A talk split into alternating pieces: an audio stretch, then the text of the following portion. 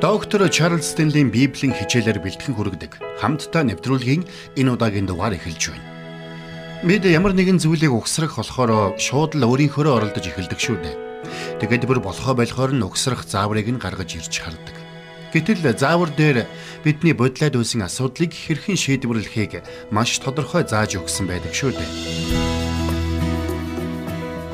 Харамсалтай нь Христэд итгэгчид амьдралдаа ихэвчлэн ингэж ханддаг Бид Христэд итгэж Бурхны гэр бүлийн гишүүн болсон цагаас эхлээд итгэлийн амьдралыг өөрсдийнхөө хүчээр туулах гэж оролддог. Гэвч энэ эцсийн дүндээ ямагт ялагдал бүтлгүйтлэр төгсдөг. Учир нь биднийг итгэлийн амьдралаа өөрсдийнхөө хүчээр туулаасай гэж Бурхан хүсдэггүй. Тиймээс ч бидэнд хэрхэн амьдрах учиртайг зааж өгөхийн тулд Библийг гарын авлага болгон бидэнд өгсөн юм. Өнөөдөр Чарлз Стенли бидэнд Бурхны үг болох Библи бидний амьдралд ямар чухал үүрэгтэй болохыг тайлбарлаж өгөх болно. Ингээд хамтдаа доктор Чарлз Стенлиг угтан авцгаая.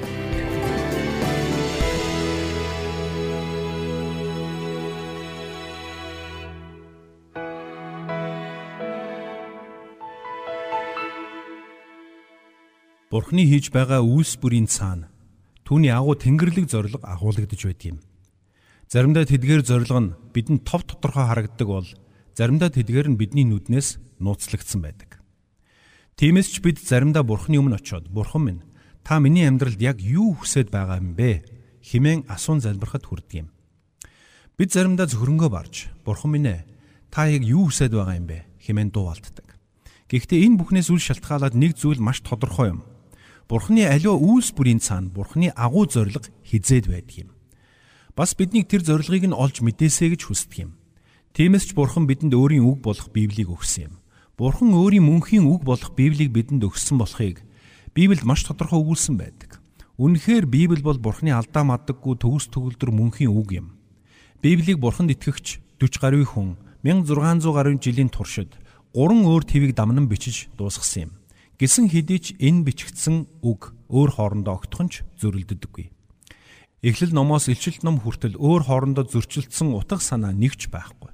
Библи дэх утга санаа шавхагдшгүй. Библи өөрөө устгагдшгүй ном юм. Өнгөрсөн түүхийн туршид Библийг устгах гэж оролцсон бүхий л орлого бүтлгүүдж байсан. Библи одоо ч номын зах зээл дээр хамгийн өндөр борлуулалттай бестселлер ном хэвээрээ байсаар байна. Тэгвэл бурхан ариун Библи хэмээх энэ гайхамшигтай номыг бидэнд яагаад өгсөн юм бэ? Өнөөдөр би жухамдаа энэ асуултад хариулт өгөхийг хүссэн юм. Тиймээс хамтдаа 2 дугаар Тимот номын 3 дугаар бүлгийг гаргаад харцгаая. Энд Илч Паул Тимотед хандан бичсэн загталтаа Бурхан яагаад бидэнд өөрийн үг болох Библийг өгсөн болохыг маш тодорхой тайлбарлан өгүүлсэн байна. За ингээд 2 дугаар Тимот номын 3 дугаар бүлгийн 13-аас 17 дугаар хэсэгт инх өгүүлсэн байна. Харин ёрын хүмүүс мэхлэгчд хуурж хуурагдан улам муудна. Харин чи юу сурсан, юунд итгэсэндэ бай. Чи хинээс сурснаа мэдэх бөгөөд Христ Иесус дэх итгэлээр авралт чамайг мэрэгэн болгох чадaltaй ариун судар бичгүүдийг чи хүүхэд байхасаа мэдсэн. Бичвэр бүр Бурхны амьсгалснаар бөгөөд заахад зэмлэх үе, залруулах үед зөвхт байдалд чиглүүлэхэд тустай. Энэ нь Бурхны хүн чадамга альва сайн үйлд бүрэн бэлтгэгдсэн байхын тулд юмаа гэсэн байна. Илч Паулын Тимотед чи хинээс сурснаа мэднэ гэж хэлсэн байгаа юм. Тэгвэл Тимод энэ бүхнийг хинээс сурсан юм бэ? 2 дугаар Тимоти 1-ийн 5-ыг харах юм бол Илч Паул хэлэхдээ чамд буу жинхэнэ итгэлийг дурсан бодоход энэ нь анх чиний эмэг их лой их юник нарт байсан бөгөөд чамд ч би гэдэгт итгэж байна гэсэн байдаг. Илч Паулийн хувьд Тимотиг бага наснаасаа Бурхны үгээр сургагдж бэлтгэгдсэн нэгэн байсан гэдгийг нь сайн мэддэг байсан. Учир нь Тимотийн эмэг их Лой болон их Юник нар нь бурханлаг эмэгтэйчүүд гэдгийг Паул маш сайн мэдэж байсан юм. Үүгээр зогсохгүй Паул ч өөрөө Тимотиг бурхны үнэн үгээр сургаж хүмүүжүүлж байсан. Тиймээс ч Паул түнд чи юу сурсан, юунд итгэсэндэ бай гэж сануулсан байгаа юм. Өөрөөр хэлбэл чи сурж мэдсэн тэр зүйлээ тууштайгаар дагаж хэрэгжүүлээрэ гэж Илч Паул загсан байна. Цаашилбал 2 дугаар Тимотийн 3:16 дээр бичвэр болгон бичвэр бүр бурхны амьсгалснаар байгаа бөгөөд заах үе, зэмлэх үе, залруулах үе зөвхт байдалд зөвхт чиглүүлэхэд тустай байна хэмээн сануулсан байна. Энд Паул тустай гэж онцолсон байгааг бид харж байна. Өөрөөр хэлбэл Бурхны үг бидэнд бүх талаараа тустай гэдгийг энд тодорхой өгүүлсэн байна. Хэрвээ Бурхны үг ашиг тустай биш байсан бол бид энэ үгийг уншиж судлаж амьдралдаа хэрэгжүүлэх гэж цаг алдах ямар ч шаардлагагүй шүү дээ. Цааш нь үргэлжлүүлээд хамтдаа Лук номын 11 дугаар бүлгийг гаргаад харъя. Энд эзэн Есүс Бурхны үгийн тухай нэгэн чухал зүйлийг өгүүлсэн байна. Хамтдаа Лук номын 11 дугаар бүлгийн 28-ыг харъя.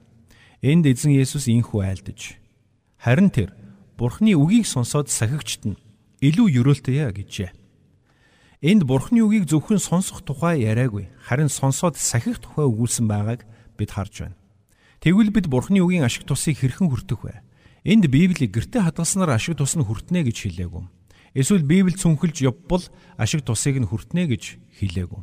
Хэдийгээр бидний гар дээр Библийн олон 10 янзын орчуулга бүхий хувилбарууд байсан ч Дараах гурван зүйлийг хийхгүй л бол бид ашиг тусыг нь хүртэж чадахгүй гэдгийг хэлсэн байна. Тэдгээр нэгдүгээрт Бурхны үгийг бид унших буюу сонсох ёстой. Хоёрдугаарт бид сонссон буюу уншсан зүйлдээ итгэх ёстой. Гуравдугаарт бид тэр үгийг зүрхэндээ хүлээн авч амьдралдаа хэрэгжүүлэх ёстой. Хэрвээ та Бурхны үгийг унших буюу сонсохгүй юм бол ашиг тусыг нь хүртэж чадахгүй. Гэхдээ хэрвээ та сонссон буюу уншсан үгэндээ итгэхгүй юм бол ашиг тусыг нь хүртэж чадахгүй. А бас итгэсэн тэр үгээ амьдралдаа хэрэгжүүлэхгүй юм бол ашиг тусыг нь ч хүртэж чадахгүй юм. Тиймээс та зүгээр нэг Библийг цүнхлээд яваад байх биш. Харин тэр үгийг уншиж, итгэж бас хэрэгжүүлэх хэрэгтэй байна.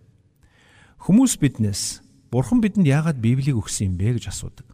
Тэгвэл Бурхан бидэнд өөрийн үг болох Библийг өгөх болсон маш том тодорхой шалтгаанууд бий гэдгийг бид мэдэх учиртай. Тиймээс өнөөдөр би та бүхэнд Бурхан бидэнд өөрийн үг болох Библийг яагаад өгсөн болохыг хэлж өгмөр байгаа юм. За тэгэхээр Бурхан бидэнд Библийг өгсөн хамгийн ихний хамгийн чухал шалтгаан бол биднийг аврал руу хөтлөхийн тулд юм.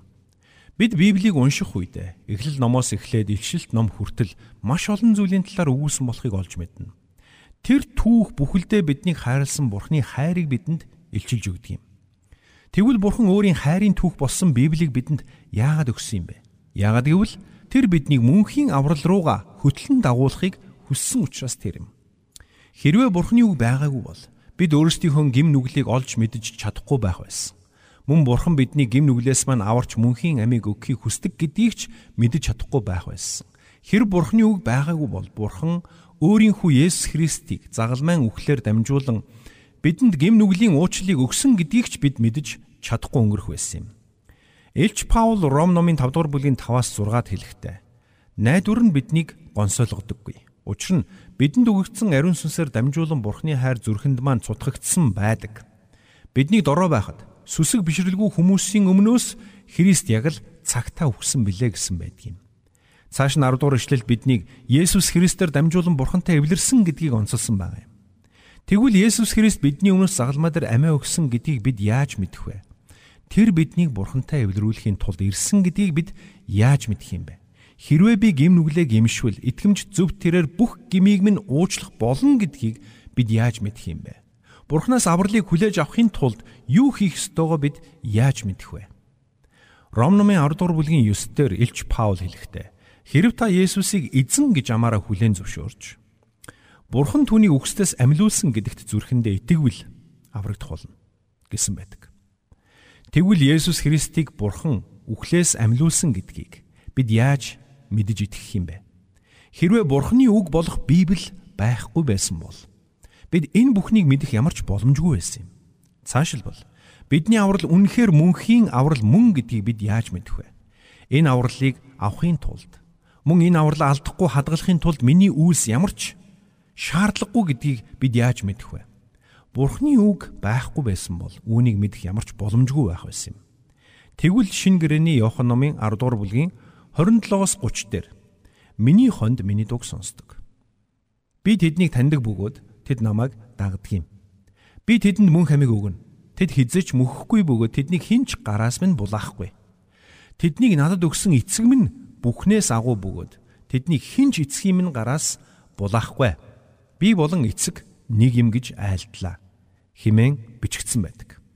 Тэгвэл бидний авралтай холбоотой маш энгийн атла амин чухал ойлголтуудыг бид хаанаас яаж мэдэх юм бэ? Бурхны үг болох Библи байхгүй байсан бол бид үүнийг мэдэх ямар ч боломжгүй байх байсан юм. Бидний авралын талаар мэдэх учиртай зүйлс энэ л агуу номонд бичигдсэн байдаг юм. Тэгэхээр Бурхан бидэнд Библийг өгсөн эхний шалтгаан нь биднийг аврал руу хөтлөхийн тулд байх нь. Энэ бол хамгийн ихний бөгөөд хамгийн чухал шалтгаануудын нэг юм. За Тэгвэл Бурхан бидэнд өөрийн үг болох Библийг өгсөн хоёр дахь шалтгааныг авч үзье. Энэ нь бол биднийг Бурхан бурханлаг амьдрал руу хөтлөхийн тулд юм. Бурхан биднийг авраа зогсохыг хүсээгүй. Тэр биднийг өөрийн хүүтэй адил дүр төрхийн дагуу өөрчлөгдөхөөр урдаас тогтоосон. Өөрөөр хэлбэл тэр биднийг бурханлаг амьдралаар амьдраасай гэж хүсдэг юм. Тэгвэл бурханлаг амьдрал гэж юу юм бэ? Энэ бол бурхны хүсэл зорилгыг ойлгож ариун сүнсэнд буун өгч бурхныг дуулууртаа дагсан амьдрал юм. Энэ бол бурханд бууж өгсөн амьдрал юм. Үүнийг бид өөрөөр бурхны хүслээр алхах гэж хэлдэг юм. Хамтдаа 1-р Тимотийн 3-р бүлгийн 16 гаргаад харъя. Тэгвэл саяны хэлсэн энэхүү бурханлаг амьдралын талаар чухал дөрвөн зүйлийг өгүүлсэн байна. 16 дээр нь бичвэр бүр бурхны амьсгалснаар байгаа бөгөөд. Нэгдүгээрт нь заах вэ, хоёр дахь нь зэмлэх вэ, гурав дахь нь залруулах вэ, дөрөвт нь зөвхт байдалд чиглүүлэхэд тустай гэсэн байна. Энд Библийн дөрвөн ач тусыг өгүүлсэн байгаа юм. Ингэхдээ хамгийн түрүүнд заахыг гэсэн байна. Үнэхээр Библи бидэнд маш олон чухал үннийг, чухал онол сургаалуудыг заадаг. Өнөөдөр цуглаанд олон жил явсан ч итгэлээр өсөөгүй итгэжд олон байдаг. Үүний цаад нэг том шалтгаан бол тэд Библийн чухал олон сургаалуудыг огт заалгаж байгаагүйтэй холбоотой юм. Би энд яг ямар онол сургаалын талаар ярьж байна вэ? бидний итгэлийн амьдралын үндэс суурь болсон чухал онлуудын талаарх онол сургаал. Жишээ нь Библиэд авралын талаар яг юу заадаг юм? Бид хэрхэн аврагдах тухай, бидний аврал яагаад мөнхийн аврал байдаг тухай, бид авралаа яагаад алдахгүй тухай Библи бидэнд заадаг юм. Цаашилбал Библи бидэнд Бурхны талар маш олон зүйлийг заа сургадаг. Бурхны хайр инрэл гэж юу юм? Өршөөл нэгүсэл уур хилэн шудраг ёс сайн сайхны талаар маш олон зүйлийг заа сургадаг юм. Цаашлбал Библи бидэнд Есүс Христийн талаар түүний биежилт, түүний эдэлсэн зовлон болон түүний үхлийн талаар маш олон зүйлийг заа сургадаг. Мөн түүний амьллын хүч болон дахин ирэлтийн тухай маш олон зүйлсүүдийг илчлэн өгүүлдэг. Цаашилбал Библи бидэнд ариун сүнсний тухай маш олон зүйлийг заа сургадаг. Ариун сүнс бидний амьдралд хэрхэн оршин байдгийм, тэр бидний дотор нутаглаж бидэнд хүчийг өгдөг тухай, ариун сүнс биднийг тайвшруулж, биднийг өдөрдөн дагуулдаг тухай маш олон зүйлсийг зааж сургасан байдаг. Гэтэл харамсалтай нь маш олон итгэгчид бурханд итгэж олон жил цуглаанд явсан ч Библийг уншдаггүй. Библиэс энэ бүх чухал ойлголтуудыг заалгадаггүй. Тиймээс ч амьдралд нь хүчтэй салхи шуурга тохиолдох үед тэд хөдлөшгүй бат зогсож чаддаггүй юм. Хавчлаг дарамттай нүүр тулах үедээ тэд амархан зүрх алдаж Бурхны алдрын төлөө тууштай урагшилж чаддаггүй. Яагаад тэр вэ? Яагаад гэвэл тэд Бурхны үгийн үнэн дор гүн үнслэгдээг учраас тэр юм. Ийм итгэвчид гаж бур урсгалын худал хуурмаг сургаалуудад маш амархан автдаг. Яагаад гэвэл гаж урсгалын багш нар ямагт бусдын сонсхийг хүссэн зүйлсийг нь ярьдаг юм.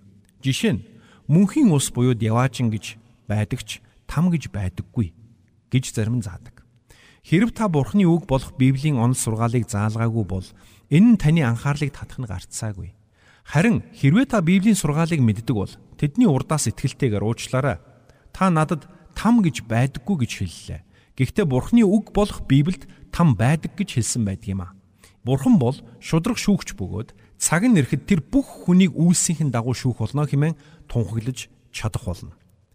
Тиймээс Христэд итгэгч бид Бурхны үгийн дагуу сургагдана гэдэг маш чухал зүйл. Зарим гаж урсгалынхан Бурхны үгээр сайтар сургагдаагүй хүмүүсийг онилж тэднийг уруу татахаар ажилдаг юм.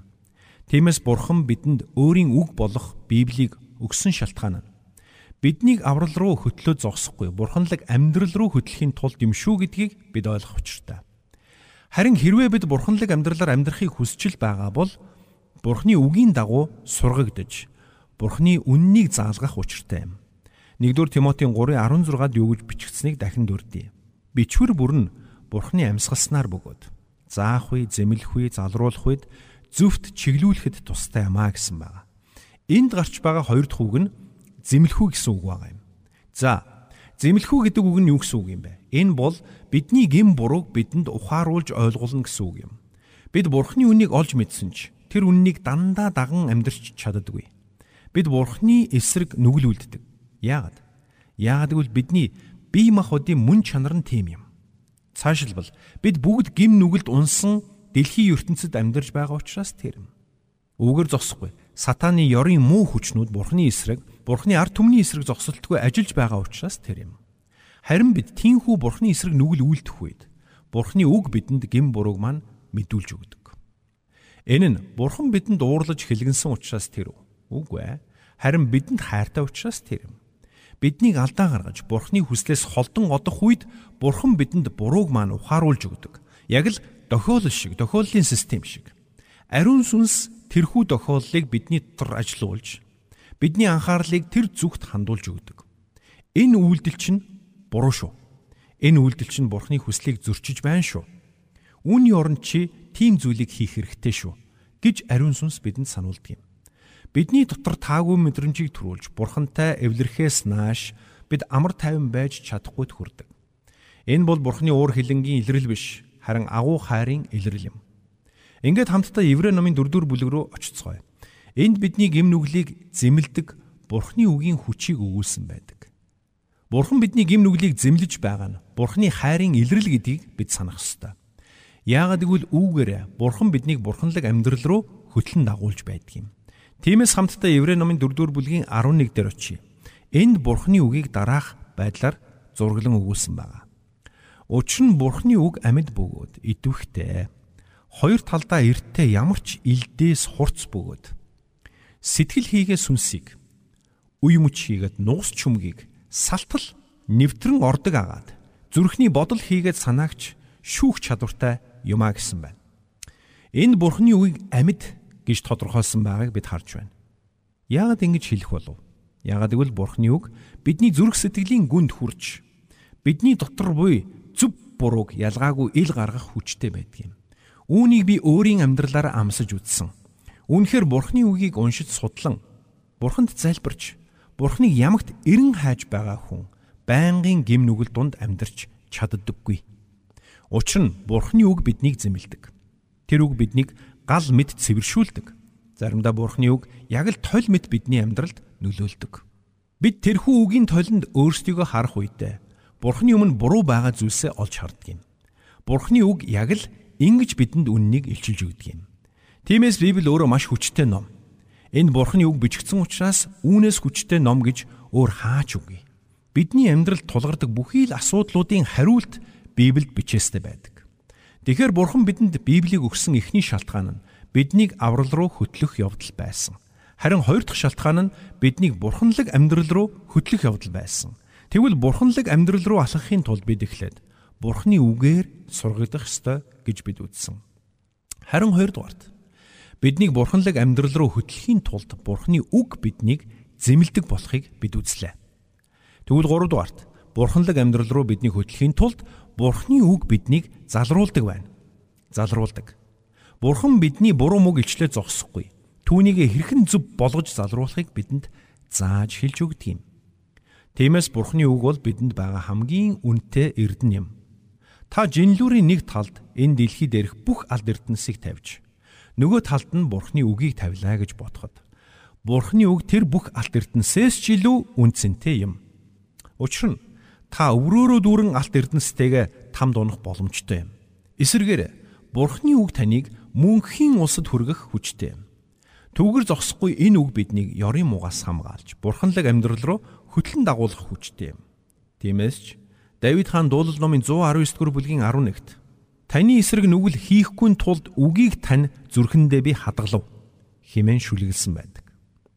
Та бас дараа нь дуул номын 119 дэх бүлгийн 1-с 5-ыг уншаад үзээрэй. Бурхан бидэнд буруу бүхнийг маань илчлэн харуулад зогсохгүй. Тэр бүхнийг хэрхэн засаж залруулах учиртайг минь зааж өгсөн байдаг. Тиймээс ч бид Бурханы үгийг зүрхэндээ нандинах учиртай юм.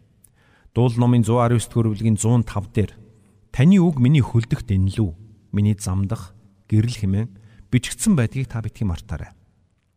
Хэрвээ та бурханлаг амьдралаар амьдрахыг хүсэж байгаа бол Бурхны хэлсэн бүхнийг хийгээрэй. Учир нь Библийн сэрэмжлүүлгийг мэдсээр байж л үл тоох нь хавцлын нэрмэг рүү нүдэ анаад алхаж байгаатай адилхан юм. Яагаад гэвэл эртөөрөө хизээ нэгэн цагт та эрмгээс доош унах болно. Үүний нэгэн адил бурхны сэрэмжлүүлгийг үл тоогч нэгэн гарцаагүй бүдэрч унах болно. Тиймээс л Давид хаан таны эсрэг нүгэл хийхгүй тулд үгийг тань би зүрхэндээ хадгалваа хэмээн шүлгэлсэн байна. Мөн дуул номын 109-ийн 105 дээр таны үг миний хөлдөгт инлүү миний замдах гэрэл гэж тунхилсан байна. Хэрвээ бид Бурхны үгийг дагах юм бол бидний амьдрал Бурхны хүслийн дагуух бурханлаг амьдрал байх болно гэдгийг сургаалт өгсийн 3 дугаар бүлэгт мөн батлан өгүүлсэн байдаг. 3 дугаар бүлгийн 5-аас 6 дээр бүх зүрхээрээ эзэнд итэг. Бүү түшгэл өөрийнхөө ойлголтод.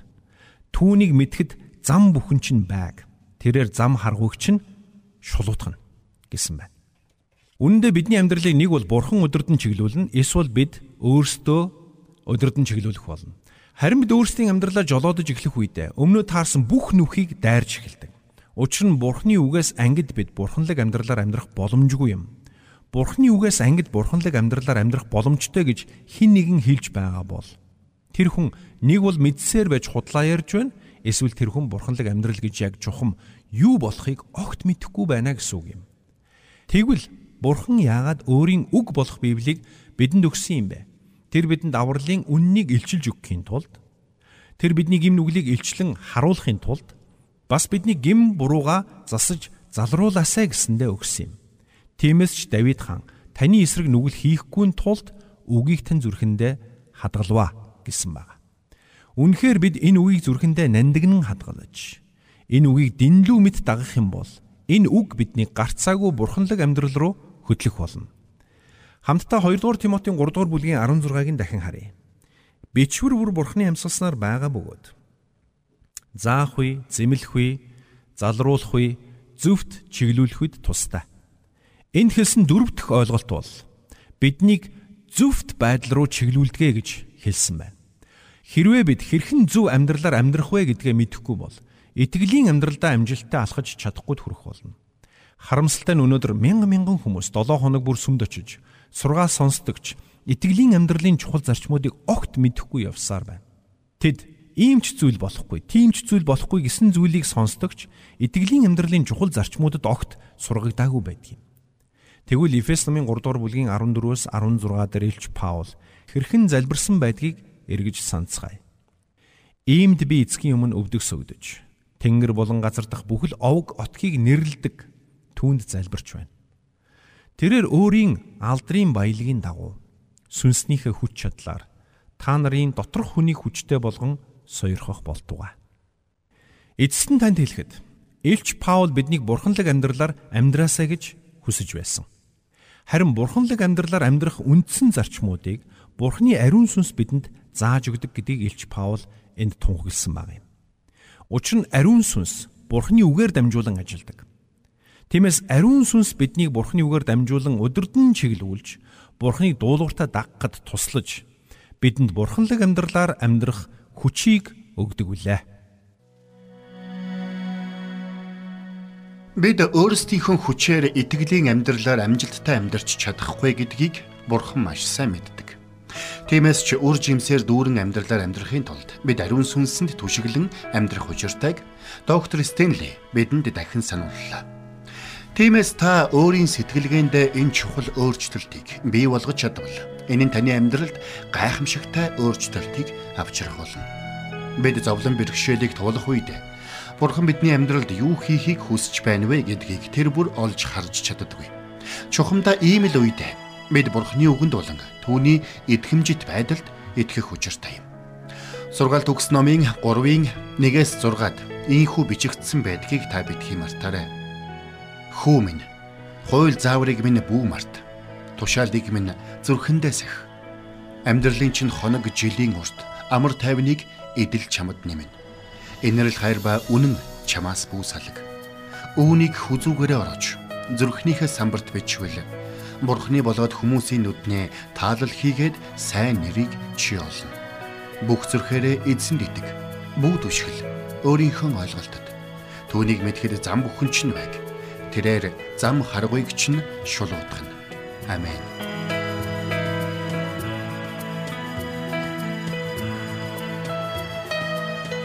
Бурханд тэмүүлсэн сэтгэл хүмүүсийг энэрх зөрхөөр амьдрахад туслах номлогч доктор Чарлз Стенлигийн хамттай нэвтрүүлэг сонсогч танд хүрлээ. Нэвтрүүлгийг дахин сонсохыг хүсвэл ихтгэл радио цэг.com-оор зочлоорой. Бидэнтэй холбогдохыг хүсвэл 8085 99 тэгтэг дугаард хандаарай.